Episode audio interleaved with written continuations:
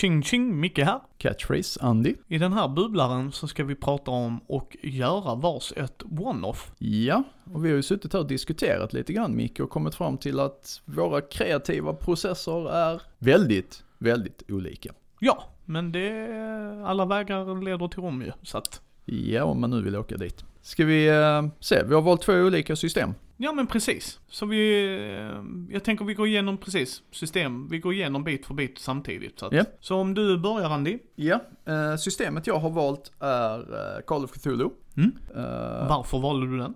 För att jag har fått eh, önskemål om att eh, köra ett eh, Lovecraftian scenario. Och för att jag själv fick en sån här blixtinspiration till ett så här bara, ah vad kul, det här vill jag göra. Mm. Jag ska köra ett i Dungeons and Dragons 5th edition. Uh, av den anledningen att jag hade fått frågan att göra ett one-off så att de skulle få prova spela. Det är ett bra introduktionsspel.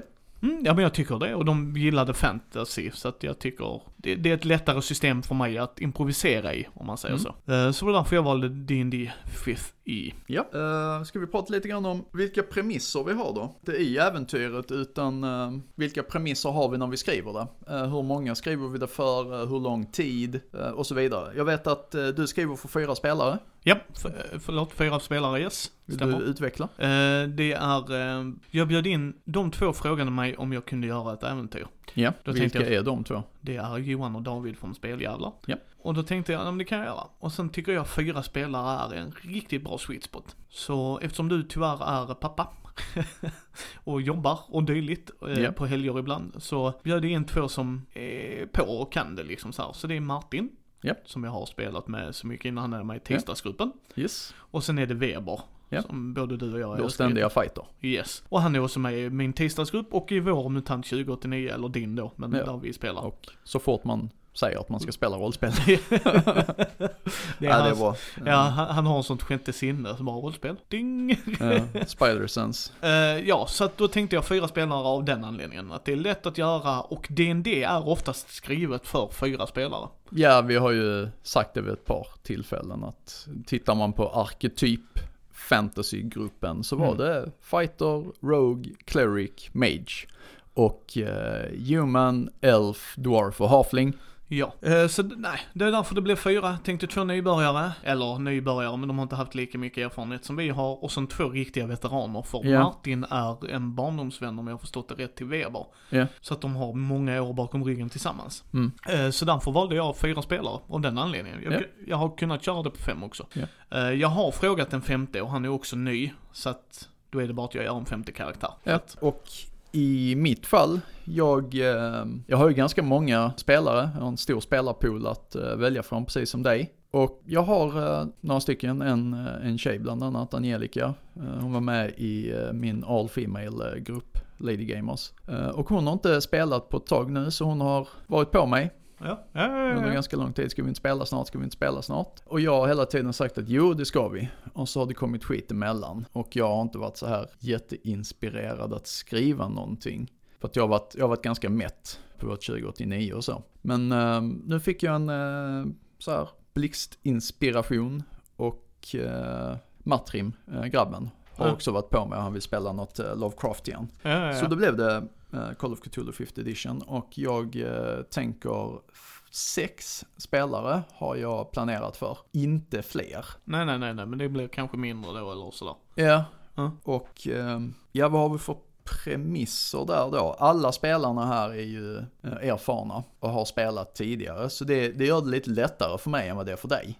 Ja, precis, precis. Eh, flika in där, kommer du göra med, köra färdiga karaktärer eller får de göra egna? Nej, jag kommer att köra färdiga eftersom det här är en, en one-off med specifik eh, story.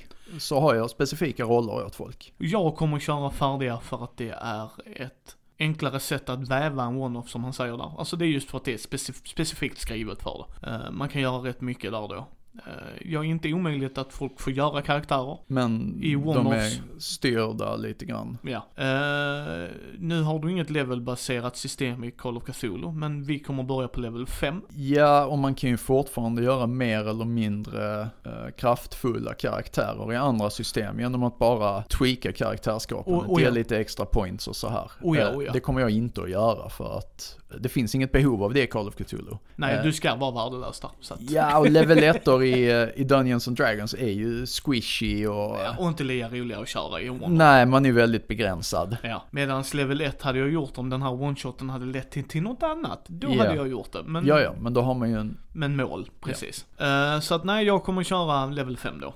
Ja. Eh, premissen där, du, du sa ju till mig vad du hade valt, så om jag börjar kanske lite här då. Jag, Ja. jag kommer köra en wizard, Ja, eh, en spellcaster. Sen kommer Weber köra fighton. ja, Vi kan, vi kan ju låtsas att någon annan får välja fighton. ja. Och, och nu har vi låtsats det en sekund och sen så kör Weber fighton.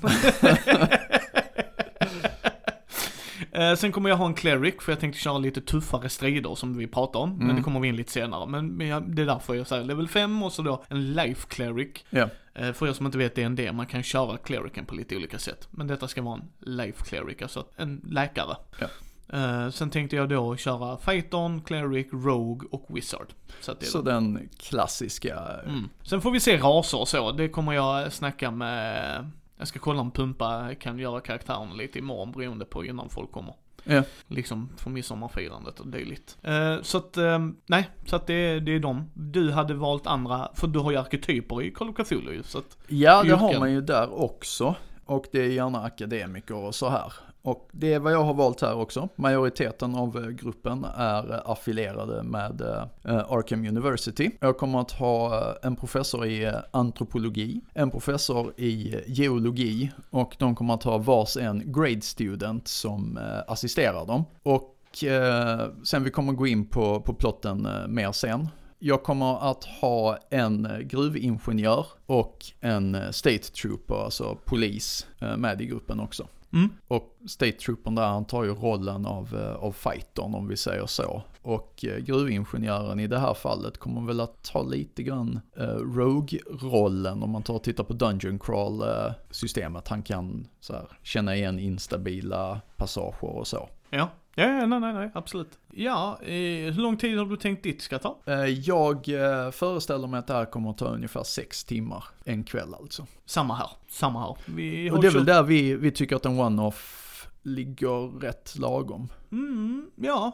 Alltså vänta nu här, jag, jag vill att vi definierar en sak för det kan vara lite, lite oklart. En one-off behöver inte vara en enkvällsgrej. Nej. Det är ett scenario som inte är knutet i en längre sammanhängande kampanj. Den kan spelas över flera sessioner och fortfarande vara en one-off. Precis, det håller jag helt med. Det håller jag helt med. Men i det här fallet så Det, är en det... one-off för mig är eh, när du väljer systemet för att köra ett äventyr, specifikt ett äventyr, ett kort äventyr, jättekort äventyr ska jag också säga. Och sen är du klar med det och så går du vidare. Ja. Så jag kallar, ja du kan ju köra en one, flera olika one-offs också och sen bygga in det, absolut. Mm. Men jag tänker mig, man kör en one-off för att jag ska prova en grej, man har en idé och sen så släpper man det. Sen kan man komma tillbaks till det. Ja. Och köra lite andra one-shots, men så Mm. one-off, one-shot eller vad man vill kalla det. Men det håller jag med dig om. Så att vi väljer bara att sitta med en sittning. Ja. Det är så jag oftast vill göra det. För att, Ja, för att man ska komma ihåg allting emellan och... ja, och sen så har jag en vision om att oftast när jag gör en one-shot så är det som i de här fallen. Testa systemet, det är ett av dem. Eh, introducera nya spelare. Ja. Eller som du, P1P1, vi vill spela. Okej. Ja, och jag, eh, jag är likadan här. Jag har ju, eh, för de av er som är eh, trogna lyssnare så vet ni om att jag är något av en Lovecraft-fanboy. Det är jag också. Jag är... Och eh, jag tycker att eh, Lovecrafts värld, alltså Arkham County och, och hans New England, är en setting som faktiskt lämpar sig bäst för one-offs. Därför inte sagt att man inte kan ha eh, bra sammanhängande kampanjer. Jag tittar på Mask of Nullulululululu. Horror on the Orient Express. Horror on the Orient Express. Men eh, vi kan faktiskt skicka rätt mycket kärlek till Chaosium. eh, för Ja. de gör väldigt bra egna one-offs också. De har jättemycket bra one-offs. Och där de verkligen, här har ni karaktärer som funkar ihop, får gärna göra egna och så här. Alltså Ja. de verkligen strukturerar ut det. De gör de, de, de gör det tillgängligt. Precis. Eh, så det tycker jag all heder till dem. Men Mm. Andy och jag är ju så pass kreativa människor ibland att, och vi ska säga, vissa Blåser gånger vi kör, upp oss lite grann? nej men det ska också sägas att vi, vi kör också föreskrivna äventyr. oh ja, ofta. Mm, ofta. Så att eh, vi, vi, vi, Andy och jag works both ways. Det är bara att ibland som nu Andy fick en snilleblixt. Ja. Och DND är inte kända för att köra one-offs på samma sätt. Inte på, alltså jag vill inte liksom dra igång en liten minikampanj utan nu vill jag ha den här storyn berättad. Och det kan man göra men det är lite mer jox för min del där. Ja, vi har diskuterat detta tidigare idag och jag Nej men alltså, håller inte med dig. Fifth edition har kanske inte fått så många one-offs släppta än. nej, nej, nej, nej, förlåt mig. Nu menar jag 5th edition. Mm. Eh, Många av de äldre så har du absolut. Och sen absolut, sen om vi kör så här, nu menar jag inte, DND har ju när du kör under flera sittningar, då har Ja. du ju. Men nu, nu är inte jag intresserad av det, medan Call of Cthulhu har framförallt, du kan få both ways i Call of Cthulhu föreskrivna äventyr. Ja. Det här kommer att ta sex timmar. Så. Ja. Liksom, och medan, sen, det här kan ta längre tid. Medan i DND är det här, det här är en minikampanj. Och jag vill inte åt en minikampanj den här gången. Nej, då, men eh, jag tänker, finns det inte ganska många? Är det Adventurers League det heter? Jo, jo, absolut. Ja. Jag kan absolut gå in och leta och sådär. Men det, det blir mer jobb för mig eftersom jag är en kreativ människa. Ja. Eh, jag bara säger att det, Ja. det, finns Det finns- för de som inte vill, vill skriva så leta upp. Men absolut. skit i det, vi spårar ur som vanligt. Ja, jo men det är du och jag. Ja. Nej men jag bara säger så att det finns. Men så hatten av till Kiosium för de gör det väldigt tydligt. Ja. Här har du sex one-shots. Okej, skitbra. Kör på Ja. den boken och läser igenom. Ja, men okej. Men eh, premissen då? Var kommer ditt utspela sig då? Ska vi börja där eller hur hade du tänkt? Ja, eh, och här, här kommer vi in på, på lite grann den kreativa processen där vi skiljer oss. Jag började i en väldigt eh, så här konstig ände den här gången. Jag satt och tittade, såg om ett eh, avsnitt av eh, John Oliver, Last Week Tonight, eh, Last Week Today. Nej, Last Week Tonight. Ja, Last Week Tonight i alla fall. Äh, jätte, jättekul program. Och eh, det var avsnittet som handlade om kolindustrin i USA. Och där direkt bara, så gjorde jag en koppling. Ah, okej, kolgruvor. Isolerad by, typ Typ, eh, den de har i eh, The Lurking Fear eh, av Lovecraft. Vad kan vi få här? Bara, oh coolt, här har vi ett klassiskt skräckkoncept. Isolerade, avskurna från omvärlden-setting. Så jag, jag började med settingen, den här, alltså loka, alltså platsen, lokalen den här gången. Eh, och premissen är att eh, gruvarbetarna i den här kolgruvan, de har hittat en, en artefakt inbäddad i, eh, en sån här, heter det kolåder, som det heter annars. Alltså en kolfyndighet Ja. eh, långt under marken då, där det verkligen inte ska finnas någonting. Och eh, de kan därför inte gräva vidare, utan lagen säger att de måste kalla på experter som så här kommer och utreder detta. Det kommer de här karaktärerna från Arkham University dit då. Och det var där jag började. Jag började helt enkelt med att, ah, kul, vi har en isolerad gruvby någonstans. Ja. Och så jobbade jag därifrån. Eh, ja, vi satt ju precis innan vi började spela in och spåna på min idé här. Eh, jag tänkte, ett bra dd äventyr är ju alltid att man har en uppdragsgivare. Jag tycker det är enkelt. Lite lathet Ni absolut. sitter på värdshuset och framkommer en eh, gråklädd mystisk man. Och, eh, eh, nej men inte riktigt. Men, de kommer ha en eh, uppdragsgivare som vill att de ska åka till staden Waterdeep. Yes. Jag vill ju göra ett litet stadsäventyr. Inga problem med de andra äventyren, men jag var sugen på det. Mm. Så det handlar mer om vad jag var sugen på. Sen Waterdeep är alltid intressant. Mycket som Andy sa också när vi satt här, att det är mycket information man kan hämta om man söker inspiration. Och sen är det mycket som jag kan bara helt winga också om jag hade velat. Ja. För att Waterdeep är så stort. Ja. Eh, först spånar vi på, nej, de ska hitta ett skrin i alla fall. Det kommer vi fram till. Det, det är en bra grej. De ska ha ett mål. Ett tydligt mål är alltid bra. En one-off. Eh, det är ett måste. Mm, absolut, absolut, jag håller med. Men det, det underlättar, man kan göra det hur man vill, men jag och Andy tycker det är en key element i alla fall. Eh, så de ska hitta ett skrin som deras uppdragsgivare vill åt. Eh, och det skrinet har blivit stulet, så när de väl kommer fram till Waterdeep till sin leverantör som vi kallar han, så är det borta. Och han har ju då blivit rånad. Sen kan man göra det på lite olika sätt. Eh, en, en tanke kan ju vara att han har blivit rånad eh, på sitt rum, alltså att han haft inbrott i rummet. Och att de då får genomsöka rummet. Att det kan ha hänt precis innan morgonen Ja. när de kommer liksom. Eller så har han blivit överfallen. Ja. Så det är lite så här två olika vägar man kan gå. Mm. Eh, jag litar mer åt rummet faktiskt. Ja, eh, det ger lite mer att gå på eh, som spelare, känner jag. För att, ja, jag blev rånad i gränden bara, jahapp. Eh, Ja. Där var inte mycket till ledtrådar egentligen för där. Nej, det är mer att jobba med. Ja. Och sen blir det inte lika spännande. Det kan vara en grej sen, men Ja, Så att, eh, så att han har blivit rånad och det är ju av en kult som vill åt den här grejen i skrinet. Mm. Och då tänkte Andy och bolla den idén med mig och eh, vi spann vidare på den tillsammans att ja, det är nog en magisk grej som behövs göras för att öppna skrinet. Okej, hur lång tid tar det? En vecka säger jag in game. Andy Mm. bara, ja men det är bra, tydligt mål, bara hinta åt det. Mm. Eh, de har tidspress på sig spelarna. Yes. Kan inte gå och sack, eh, så här, lagga. Nej, uh, det gör det lite högre tempo och sådär. Ja. Och den tidsfristen kan jag modifiera så länge det passar storyn. Men det ska vara en tidsfrist i alla fall. Eh, så, jag, så jag tänkte en kult. Jag tänkte faktiskt köra lite H.P. Lovecraft-inspirerad. Att det är så här undervattensgud med tentakler och sådana grejer. Sen får vi se om de snappar upp det. Ja. Eh, men when in Rome höll jag på att säga. Mm. Eh, nej men det, det är enkelt att göra då liksom, så de vill åt den här grejen. Och sen är det upp till dem att hitta den.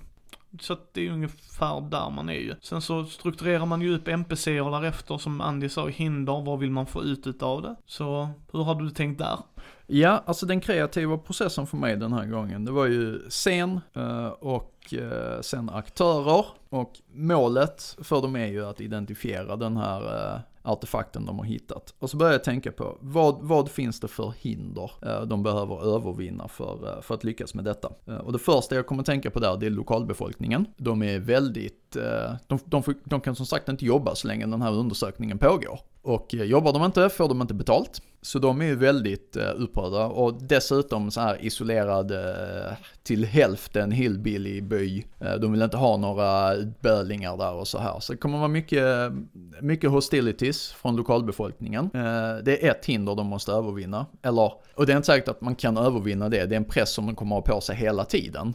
De kommer vara tvungna att vara väldigt försiktiga med hur de agerar för att gör de fel så, ja, då får de Borlänge stryk och blir utkastade ur stan. Folk som spelar Call of Cthulhu vet om att det är väldigt mycket tid eh, rotandes i bibliotek, eh, arkiv och liknande. En eh, sån här liten by mitt ute i ingenstanset, där finns inte de eh, informationskällorna. Så att spelarna måste vara kreativa. Eh, antingen komma på andra sätt att få fram den här informativ, eh, informationen, få kontakt med platser där de kan få den. Eller så eh, får de förlita sig på sina, sina kunskaper sedan tidigare. Eh, och inte få så mycket ledtrådar av mig in game. Eh, vädret tycker jag alltid är ett bra hinder i skräck, skräckspel. Vi har ju pratat om det här tidigare med isolering och liknande. Ett jättebra sätt att isolera folk det är att snöa in dem i en storm eller något sånt. Så det är uppsatt som hinder. Och sen, jag kommer också ha lite dungeon crawl i det så tillvida att de måste ju ner i gruvan för att se var den här artefakten eh, upptäcktes, vilken eh, så här stratum av berget. Och eh, då tänkte jag stoppa in grejer som är typiska sådana här gruvfar. Så här kan vara en gasficka eller ett ras. Jag har inte riktigt bestämt mig för det än. Känner mig riktigt jävlig den dagen så blir det båda två. Och sen är det ett okänt hot också. Eh, den här artefakten har ju, den kommer någonstans ifrån. Var kommer den ifrån? De här krafterna som lämnade kvar den här artefakten, är det någonting som finns kvar i världen och verkar för att få tillbaks den? Eller finns det någon kult som är intresserad av att få tag i den här artefakten? Så det kommer att finnas en, eh, en osynlig eh, så här, skugggrupp i bakgrunden som hela tiden också jobbar för att komma över den här artefakten på olika sätt. Eh, och det, är- det är de hoten som jag, eller hinderna, som jag satte upp så här snabbt på rak arm. Jag sätter aldrig upp en lösning på, på hinder. För att det har vi också varit inne på, det, det är inte lönt.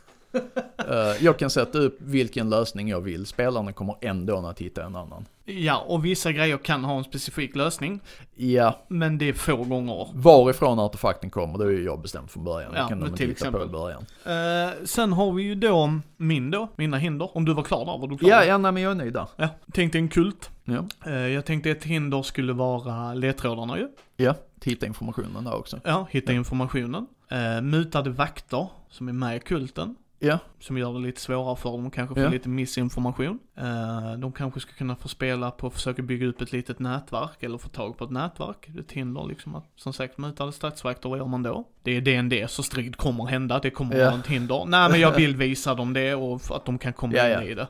Så att, eh, och tycka vad jag vill, jag tycker det är ett underhållande stridssystem om eh, både för spelledaren och spelaren. Eh, Och eftersom Andy och jag inte skäms för att verkligen göra det hur vi vill ha det. Mm. Så kan vi göra det hur roligt som helst. Ja, sen hinder, eh, de ska vara förföljda. Mm. Både av statsvakter och kulten i sig. mm. Som har mutat statsvakter och sånt Ja. absolut. Eh, Och det är jättesvårt för mig att säga nu vad det kommer bli. För att det kommer vara improvisation. Det beror på vad de väljer att göra. Ja. Helt och hållet. Ja. För det är hela gången tillvägagångssättet sådär. Så eh, det är ungefär det där.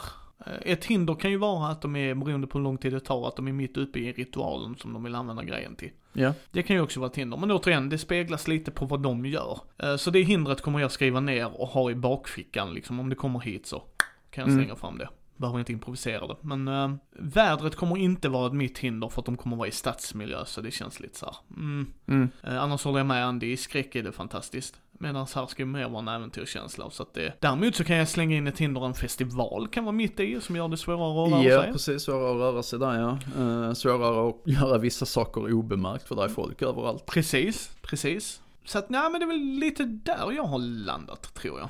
Mm. Sen tänker jag mig, ja men det är ju där hindren, det är så jag och Andy arbetar ändå, även om vi gör det lite i olika ordningar och det. Sen eh, MPC, hur har du tänkt där då? Ja, där har jag ju tänkt, eh, vi har, eh, alltså ortsbefolkningen eh, är väl den stora. En ur ortsbefolkningen är, eh, en del av ortsbefolkningen tillhör en sekt slash kult som eh, dyrkar, eller på annat sätt eh, affilerar med eh, varelserna som lämnade den här artefakten bakom sig. Där funderade jag lite grann, eh, nu kommer jag nörda in lite grann, de som inte kan eh, Lovecrafts värld kanske bara så här glossar ut, men eh, för de av er som, som kan mytosen och så här. Jag stod och valde mellan antingen Serpent People då, alltså People of Jig, eller eh, Migos. Och eh, jag landade i Migos för att ja, gruvor och så vidare och så vidare och så vidare, typiskt dem. Eh, artefakten ska vara en lightning box som någon har hittat där då. Och eh, de här kulten vill ju komma över den här lightning boxen för att återlämna den till eh, sina herrar. Eh, så den kommer finnas. Sen eh, det kommer finnas ett, ett boarding house, billigt sådant. Det kommer ju vara en proprietor till detta. Jag har inte riktigt bestämt mig för vem det ska vara. Förmodligen en äldre dam, Eh, enka. Så det kommer vara en viktig eh, så, eh, NPC. Likadant måste måste finnas en, en handelsstation av något slag. De kommer att behöva handla lite grejer, ficklampor eller så, inte ficklampor, batterier och liknande. Så den kommer att finnas. Och Sen är det någon mer från gruvan. Det kommer att vara en väldigt liten NPC-cast. Eftersom det, det är en väldigt liten plats. Det är väldigt specifikt vad de ska göra. Ja, ja, ja nej men precis. Mina NPCer, det kommer ju vara barkeepen, Mm. leverantören, alltså han som skulle lämna det, eller hon, det vet jag inte än, men det kommer, det kommer jag spåna ut. kuriren då. Kuriren precis. Statsvaktschef, eller områdeschef. Ja. Lite olika fyllon på barer, alltså sådana Mm. grejer. Allt sånt som jag kan knyta in. Men det kommer bara vara lösa NPCer, liksom lite namn bara. Jag Ja. tänker, jag kommer att förbereda lite karaktärer med namn Ja. och dylikt bara. ja, man behöver inte lägga ner jättemycket på dessa. Nej, eh, och sen kommer jag bara ha en lista på det och sen så kommer jag skriva ut den listan och ha så stryka när jag använder den. Uh, kultledaren. Ja, och sen absolut, och sen de tyngre grejerna kommer vara kultledaren, eh, kul, kultister. Ja. Sen behöver de inte ha namn nödvändigtvis, men Nej, mobb 1, mobb 2, mobb 3. Ja men det- viktiga där, kommer mobb 1 vara en ranger eller kommer det vara, alltså det är Ja. de grejerna man vill åt. Eh, så att ja, det är väl de mina NPCer. Liksom det jag kommer lägga fokus på, att de kommer väl nog sova på innet. Ja. Så det kommer väl vara mycket där för mycket rollspelstillfällen och sådana grejer. Ja. Och jag tänker mig, barkeepen för att göra det intressant är eh, inte kultist, men är med ett annat gäng som inte gillar dem. Som de hittar Okej, så vi har klassiska Water, Deepian, Deepian uh, Guild uh, Mm, konflikt, så, ja, intriger. Mm. Eh, Men eh, han vet inte om att de har gjort inbrott bara, utan bara Nej. att de, någon har gjort inbrott liksom. Ja.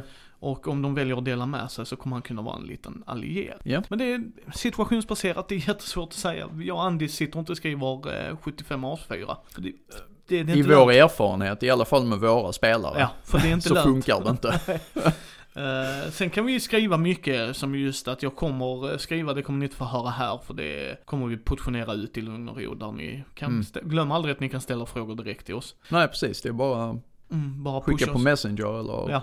Vad som helst. Vi Eh, svarar. Yes, och, eh, men, men ehm, där kommer jag. Jag kommer strukturera upp striden.